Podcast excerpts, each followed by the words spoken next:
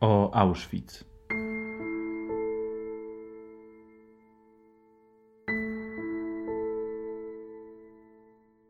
Historia obozu Auschwitz jest niezwykle złożona.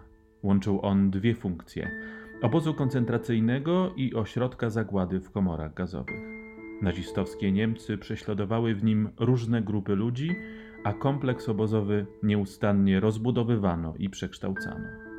W podcaście o Auschwitz mówimy o historii obozu oraz o naszej współczesnej pamięci o tym szczególnym miejscu.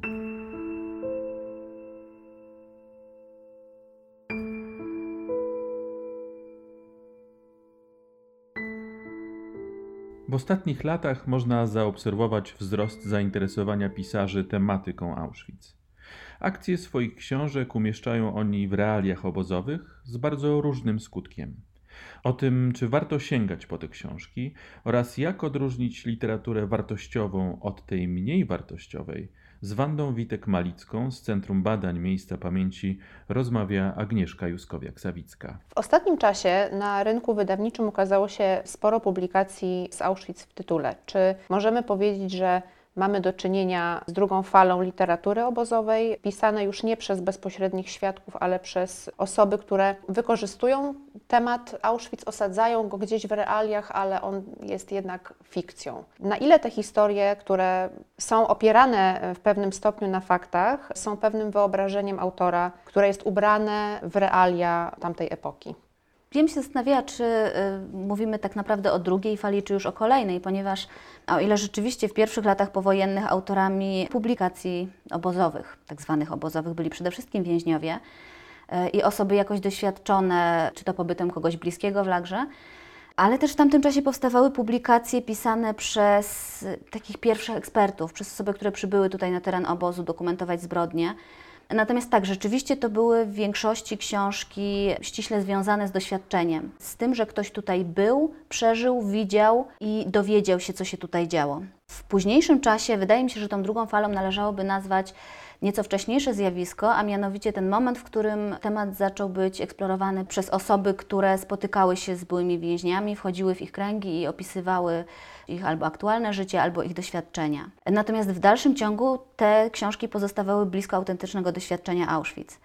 To zjawisko, z którym mamy do czynienia w tej chwili, jest może nie nowością o tyle, że nigdy wcześniej nie zdarzyło się pisanie książek fikcyjnych na temat Auschwitz, bo takie przypadki są znane. Natomiast skala zjawiska wskazuje, że rzeczywiście w tej chwili wydarzyło się coś takiego, co spowodowało, że tych książek fikcyjnych pisanych w zupełnym oderwaniu od tego właśnie żywego doświadczenia jest coraz więcej. Te książki nie mają charakteru czystych wspomnień. One są pisane przez osoby, dla których spotkanie z byłym więźniem było epizodem, albo spotkanie z tematem Auschwitz było epizodem krótkotrwałym i postanowiły tę historię byłego więźnia przelać na karty. Z tym, że te publikacje, mówimy tutaj o publikacjach m.in. pani Morris, pana Dempseya, one różnią się od dotychczas wydawanych tym, że one mają charakter powieści. Nie jest to spisane doświadczenie więźnia, jedynie uzupełnione jakimiś danymi z dokumentów czy też z innych źródeł, ale to są książki, które mają charakter i narrację typową dla powieści, czyli dla fikcji literackiej. Wydaje mi się, że największym ich problemem jest to, że autorzy tych książek wypełniają luki w narracji świadka. To jest oczywiste, że kiedy ktoś opowiada swoje doświadczenie obozowe, ono jest fragmentaryczne. Ta fragmentaryczność wynika zarówno z tego, że pamięć nie jest doskonała, ale też z tego, że no, więźniowie będąc w obozie nie mogli znać całości zjawisk obozowych, nie mogli wiedzieć wszystkiego, co się w obozie dzieje, nie mogli też widzieć wszystkich elementów obozu, wszystkich e, jego obszarów. Natomiast jeżeli akcja powieści przenosi się w miejsca lub czas niedostępny więźniowi, no to autorzy uzupełniają te takie białe pola. Natomiast uzupełniają je najczęściej nie w oparciu o źródła, nie w oparciu o jakąś swoją głęboką wiedzę na temat e, Auschwitz, tylko w oparciu o własną wyobraźnię o to, co sądzą, co mogło się wydarzyć w obozie, jak mogło realia obozowe wyglądać, jak pewne zjawiska mogły przebiegać. Nasuwa się pytanie, jak w takim razie czytanie fikcji, która w pewnym stopniu ociera się o fakty, może wpłynąć na odbiór takiej książki? Czy może to spowodować zniekształcenie, jakieś wypaczenie tej historii? Jeżeli mówimy o odbiorze, czyli o tym, jak czytelnicy reagują na te książki, to one niewątpliwie dla czytelnika są atrakcyjne Na to wpływa zapewne ta struktura książek, ta forma powieści i to, że one są pisane na ogół przez osoby związane jakoś z pracą z piórem. Te książki są atrakcyjne, ponieważ one rzeczywiście oddziałują na emocje, w nich jest wartka akcja, je się czyta łatwo, dosyć szybko, nie chcę powiedzieć lekko, bo temat do tego nie uprawnia, ale w porównaniu z y, autentycznymi relacjami obozowymi byłych więźniów, to tak by należało powiedzieć, że to jest lektura stosunkowo prosta w jakiś sposób odpowiadająca oczekiwaniom. Dowodem tego, że rzeczywiście te książki są przyjmowane bardzo dobrze, jest chociażby ich, ich sprzedaż i to, jak bardzo są reklamowane, to jak wiele ich wszędzie można zobaczyć. Nie tylko w księgarniach profesjonalnych, ale praktycznie wszędzie można kupić książkę w tej chwili z Auschwitz w tytule. Są one ogólnodostępne, dlatego że są bardzo popularne. Jeżeli natomiast zastanawiamy się, w jaki sposób tego typu literatura wpływa na odbiór Auschwitz jako miejsca historycznego, jako miejsca, w którym wydarzyło się coś niezwykle ważnego w historii ludzkości, tego typu książki w znacznej mierze fałszują historię. Nie chodzi tutaj o to, że wprowadzają fikcyjne postaci do autentycznego wydarzenia, jakim było istnienie obozu Auschwitz. Nie chodzi o to, że wprowadzają fikcyjne wydarzenia w to miejsce. Chodzi o to, że prezentują postaci, prezentują zdarzenia, które nie miałyby prawa się wydarzyć w Auschwitz takim, jak jest nam znane z relacji byłych więźniów, źródeł archiwalnych i z dokumentów. W związku z czym niedoświadczony czytelnik, który weźmie do rąk książkę, chociażby tatuażysta z Auschwitz, czy też tajemnica z Auschwitz, i na jej podstawie będzie budował sobie wyobrażenie o tym, co wydarzyło się w obozie, jak wyglądało codzienne życie więźniów, jak wyglądało codzienne życie również SS-manów, ponieważ ten wątek jest w tych książkach dosyć mocno uwypuklony, to to jego wyobrażenie będzie zupełnie niewiarygodne i zupełnie oderwane od tego, co rzeczywiście miało tutaj miejsce. Te książki wprowadzają błędną wiedzę, i dla takiego czytelnika późniejsze przybycie do muzeum, zobaczenie tego miejsca, czy przeczytanie rzeczywiście jakichś relacji byłych więźniów, no będzie wywoływało na pewno duży dysonans i takie poczucie niezrozumienia tej rzeczywistości, poczucie nieadekwatności tego, czego dowiedział się wcześniej i tego, czego dowiaduje się później. W jaki sposób w takim razie czytelnik może samodzielnie ocenić wartość takiego tekstu, na co ma zwrócić uwagę i czy w ogóle warto sięgać po tego typu literaturę?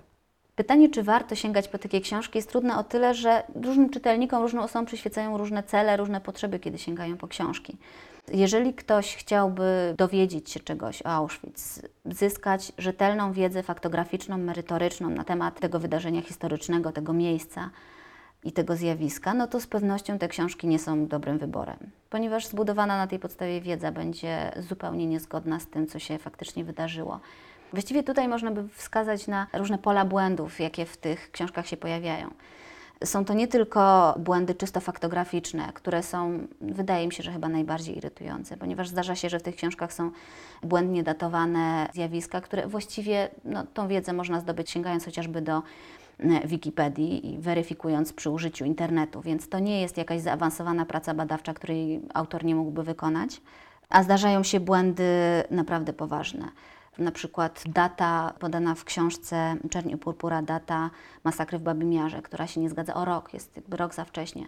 To już jest poważny błąd merytoryczny, daty transportów. Przy tym mówimy o transportach tych szczególnie istotnych. Jeżeli e, bohaterka książki przybywa pierwszym transportem kobiecym, transportem, który właściwie zainicjował istnienie obozu kobiecego na terenie Auschwitz, no to błędne datowanie tego transportu jest poważnym uchybieniem. Rażącym o tyle, że to rzeczywiście można bardzo łatwo zweryfikować, korzystając z internetu, nie trzeba tutaj się zagłębiać w literaturę. Więc tego typu błędy faktograficzne różnej wagi i różnej skali, które czytelnikowi przekazują po prostu błędne informacje. Drugim takim obszarem, który rzeczywiście jest tutaj e, mocno zafałszowany, to jest tworzenie ogólnego obrazu realiów, jakie panowały w obozie. Mówienie o tym, co więźniowie w obozie na co dzień robili, jakie były ich prawa, to może za dużo powiedziane, jak wyglądała ich codzienność. Z tych książek, prawdę mówiąc, nie dowiemy się na ten temat prawie niczego. Te książki z jednej strony pokazują więźniów, którzy żyją poza strukturą organizacyjną obozu. Ci więźniowie na przykład nie mają stałych przydziałów do komand pracy albo w ogóle nie pracują albo się nie dowiadujemy o tym, czy pracują gdzie. Jeżeli pracują, to czasami są to tworzone jakieś samodzielne stanowiska, tak jak mamy do czynienia z tatuażystą w Auschwitz który tak naprawdę był członkiem komanda zajmującego się przyjęciem więźniów. On nie był samotną wyspą, który zajmował się tatuowaniem na wezwanie SS, tylko był członkiem komanda kilkunastoosobowego, w późniejszym czasie nawet kilkudziesięcioosobowego i współpracował z innymi więźniami. Miał wyznaczone godziny pracy i poza nimi nie mógł chodzić swobodnie po obozie, czy wchodzić na teren obozu kobiecego, albo wychodzić poza teren obozu w ogóle. Więźniowie przedstawieni w tych książkach podejmują działalność, której podjąć by tak naprawdę nie mogli. W komandzie PUF na przykład są sceny, w których więźniarka przemierza sama trasę z obozu macierzystego do Birkenau. Wychodzi rano przed apelem, bo ma do załatwienia sprawę w Birkenau.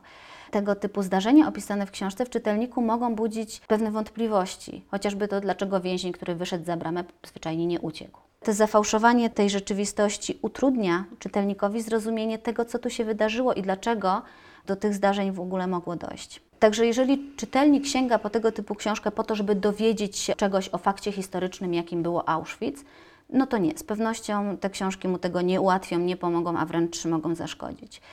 Natomiast jest gro czytelników, którzy sięgają po książkę tylko po to, żeby spędzić z nią trochę czasu, żeby pożyć czyimś życiem, żeby zaspokoić potrzeby, które sztuka i literatura ma zaspokajać. Więc jeżeli czytanie ma być po prostu przyjemnością i ma pobudzać jakieś emocje, no to tak, tylko nie można oczekiwać od tego typu książek, nie można na ich podstawie budować sobie bazy merytorycznej i oczekiwać, że dzięki nim się czegoś dowiemy, albo powoływać się później na te książki, tłumacząc zjawiska obozowe. Nie można argumentować, powołując się na fakty opisane w tych książkach. Próbować powiedzieć, że na przykład przecież SS-mani mogli uratować więcej osób, bo tak jest opisane w książce w Aniele w Auschwitz.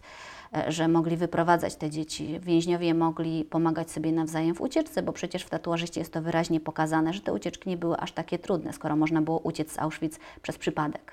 Te książki z całą pewnością nie są dobrym źródłem wiedzy. W gąszczu dzisiejszej literatury, w której pojawia się Auschwitz w tytule bądź w treści, rzeczywiście trudno jest się rozeznać, zwłaszcza niedoświadczonemu czytelnikowi, Trudno jest określić, jaka jest autentyczna wartość faktograficzna, merytoryczna tego typu publikacji. To może rzeczywiście rodzić jakieś takie poczucie zagubienia. Gdybym miała doradzać czytelnikom, którzy oczywiście mówimy o czytelnikach, którzy chcą budować wiedzę na temat y, Auschwitz, to sugerowałabym w pierwszym rzędzie zapoznanie się z klasycznymi publikacjami wspomnieniowymi na temat Auschwitz, których na rynku jest mnóstwo. Właściwie pierwsze publikacje na temat Auschwitz wydawane były już w 1942 roku. Ich kopie, reprinty są do dzisiaj dostępne na rynku księgarskim. Niemało wspomnień powstało w pierwszych latach powojennych. Są wspomnienia ojca Augustyna, są wspomnienia Seweryny Szmaglewskiej które rzeczywiście są bardzo bliskie, bo w bezpośredniej perspektywie czasowej napisane. Z tego okresu są między innymi wspomnienia Wiktora Frankla. O ile się nie mylę, Miklos Niszli też napisał w pierwszych latach powojennych. To są bardzo wartościowe pozycje, które rzeczywiście obrazują bardzo osobiste doświadczenie więźniów. Kolejny taki duży wysyp książek wspomnieniowych miał miejsce w latach 60. i później praktycznie do lat 90. te publikacje się pojawiały. Jest ich bardzo wiele i naprawdę jest z czego wybierać. Czytelnik, który chciałby poznać losy dzieci, może sięgnąć po publikację Bartnikowskiego albo Haliny Birenbaum. Czytelnik zainteresowany losem kobiet tutaj też ma bardzo duży wybór różnego rodzaju pamiętników obozowych. Są pamiętniki więźniów politycznych, są pamiętniki więźniów żydowskich, polskich, węgierskich, francuskich. Tak naprawdę każdy aspekt e, obozowej rzeczywistości. Więc z całą pewnością polecałabym przede wszystkim sięgnięcie do tych publikacji, bo one są autentyczne i one są rzetelne i są wiarygodne. Sądzę, że czytelnik, który ma wiedzę, z łatwością zauważy we współczesnej literaturze dotyczącej Auschwitz, zauważy pewne nieścisłości i będzie w stanie sam przynajmniej do pewnego stopnia ocenić, czy ta książka rzeczywiście mm, jest napisana w sposób rzetelny, czy może raczej jest w niej sporo błędów, nieścisłości, czy po prostu zmyśleń, które nijak się mają do tego wydarzenia, do tego doświadczenia, jakim był Auschwitz. Drugim takim, wydaje mi się, stosunkowo skutecznym sposobem sprawdzenia wiarygodności książki jest y, spojrzenie na osobę autora.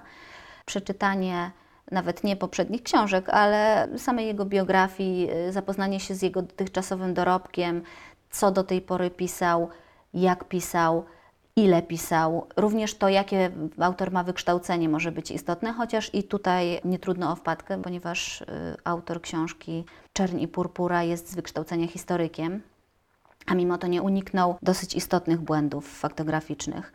E, natomiast jeżeli czytamy dotychczasowy dorobek autora i okazuje się, że dany autor napisał w ciągu dwóch lat czwartą książkę na temat Auschwitz, no to wydaje mi się, że nie mogą to być książki, które są rzeczywiście wynikiem pogłębionych badań danego tematu, tym bardziej, że jeżeli każda z nich odnosi się do jakiegoś innego aspektu istnienia obozu i życia więźniów w obozie.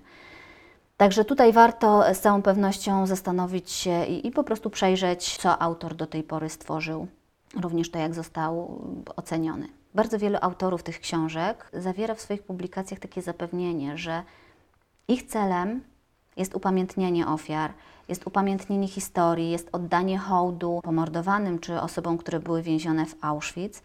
Natomiast wydaje mi się, że liczba pewnych nadużyć, także sposób opisywania pewnych zjawisk ma efekt wręcz przeciwny. Autorzy nie stronią od wykorzystywania pewnych makabrycznych zjawisk życia obozowego. Bardzo często nie tylko wykorzystują pewne takie incydenty wyjątkowo tragiczne, które miały miejsce, ale też wymyślają własne. I mam takie poczucie, że te książki w pewnej mierze nie tylko obrażają, ale ponownie dehumanizują ofiary. Jeżeli dowiadujemy się między innymi z tekstu byłego komendanta Rudolfa Hessa, czy z tekstu Borowskiego o tym, że w obozie zdarzały się przypadki kanibalizmu, to oczywiście w książce jest to wykorzystane i wyolbrzymione. Czyli e, już nie dowiadujemy się o tym, że więźniowie spożywali mięso zwłok, tylko zjadają żywcem swojego kolegę. Ta makabryzacja i takie przerysowanie, przejaskrawienie pewnych incydentów, co więcej, opisywanie ich w taki sposób, jak gdyby one były obozową normą, nie tylko wypacza obraz tego, co się działo w Auschwitz, ale też wydaje mi się, że obraża ofiary. Pokazuje w sposób taki jednowymiarowy. Pewnym wyraźnie widocznym zjawiskiem w współczesnych publikacjach jest przesycenie ich wątkami seksualnymi. I to jest zjawisko, które chyba trudno wytłumaczyć inaczej niż tylko próbą przyciągnięcia czytelników. Praktycznie w każdej książce tego nurtu, którą dotychczas czytałam, pojawiają się wątki seksualne. Te wątki są pokazywane w sposób taki bardzo zbrutalizowany, w taki czysto cielesny. Są dosyć wulgarne. Niektóre sceny wydają się takie wręcz prawie pornograficzne. I to, jak wiele tego typu trendów w tej literaturze się pojawia, może w czytelniku budzić takie przekonanie, że potrzeby seksualne i w ogóle życie seksualne w obozie było czymś no, nieomal pierwszoplanowym, było czymś niezwykle istotnym i czymś codziennym. Tymczasem z badań, zarówno medycznych, jak i badań społecznych, również z pamiętników byłych więźniów, wiemy, że stan fizyczny więźniów, wygłodzenie, wyniszczenie pracą, fatalna kondycja, choroby, oprócz tego też stałe poczucie zagrożenia życia, nieustający stres, no i warunki, jakie panowały w obozie, skutecznie tłumiły potrzeby seksualne. Takie incydenty oczywiście miały miejsce do jakichś bliższych relacji między więźniami i więźniarkami zdarzało się, że dochodziło. Jednak, tak jak mówię, to były przypadki jednostkowe, incydentalne, nie stanowiły one normy. Natomiast tego typu literatura, ona wprowadza ten wątek tak, jak gdyby on był zjawiskiem pierwszoplanowym, co jest po prostu chyba niewłaściwe, nieeleganckie i nieodpowiednie w odniesieniu do Auschwitz. Jeżeli mówimy o współczesnej literaturze, jeżeli mówimy o budowie powieści, o wprowadzaniu wątków fikcyjnych, warto tu zwrócić uwagę jeszcze na jedną kwestię. Główni bohaterowie w tych książkach najczęściej, jak to zwykle w przypadku pierwszoplanowych postaci literackich bywa, one są uwypuklone i głównie jest uwaga skupiona na ich losie. Natomiast bardzo często elementem, którego tam brakuje, są relacje międzywięźniarskie. W obozie Auschwitz więźniowie, żeby przetrwać, musieli brać udział w takiej społecznej sieci wymiany. Ja nie mówię tutaj o wymianie materialnej, wymianie jedzenia, wymianie odzieży, ktoś coś zdobył, podzielił się z innymi. Natomiast chodzi mi tutaj przede wszystkim o wymianę informacji, o wsparcie psychiczne, po prostu o bycie częścią tej społeczności. To były najczęściej niewielkie grupy więźniarskie, które jednak w ramach tych kilku osób pomagały sobie. I to, jak wynika z relacji byłych więźniów, był klucz do przetrwania. Więzień, który w obozie był samotny, nie miał szans. Natomiast w tych książkach bardzo często postaci są pokazane jako takie właśnie samotne wyspy, które walczą w pojedynkę, które te relacje mają ograniczone do minimum i właściwie tutaj nie ma pogłębionego opisu tego, jak wyglądało to życie pomiędzy więźniami. Co więcej, bardzo często jest narracja prowadzona w ten sposób, że te postaci pierwszoplanowe, one występują na tle, ale to tło jest nieistotne. Tym tłem, które tutaj jest stworzone, jest masowa zagłada, jest śmierć tysięcy ludzi. Natomiast w tych książkach czytelnik skupia się przede wszystkim na losie głównego bohatera. W czytelniku rodzi się jakaś taka potrzeba, żeby ten właśnie główny bohater przetrwał, żeby jemu się udało przeżyć, żeby jego poczynania zakończyły się sukcesem. Natomiast masowa zagłada tysięcy ludzi staje się mało istotna, umyka uwadze. Taka konstrukcja powieści, która rzeczywiście każe czytelnikowi śledzić losy tylko dwójki bohaterów, którym najczęściej udaje się przeżyć. Tutaj jakaś taka potrzeba czytelnika dążenia do happy endu zostaje zaspokojona. Natomiast zupełnie drugoplanowe, trzecioplanowe lub zupełnie nieistotne okazuje się to, że tak naprawdę w Auschwitz nie było happy endu. Auschwitz to ponad milion zamordowanych ludzi, i kolejne tysiące złamanych życiorysów. Ludzie, którzy wyszli z Auschwitz, bardzo często do końca życia zmagali się z konsekwencjami pobytu w obozie, z konsekwencjami społecznymi, zdrowotnymi, emocjonalnymi. Więc konstrukcja powieści w taki sposób, że czytelnik wychodzi z przekonaniem, że człowiek przeżył Auschwitz i dalej jego życie już musiało być piękne, jest po prostu zakłamaniem.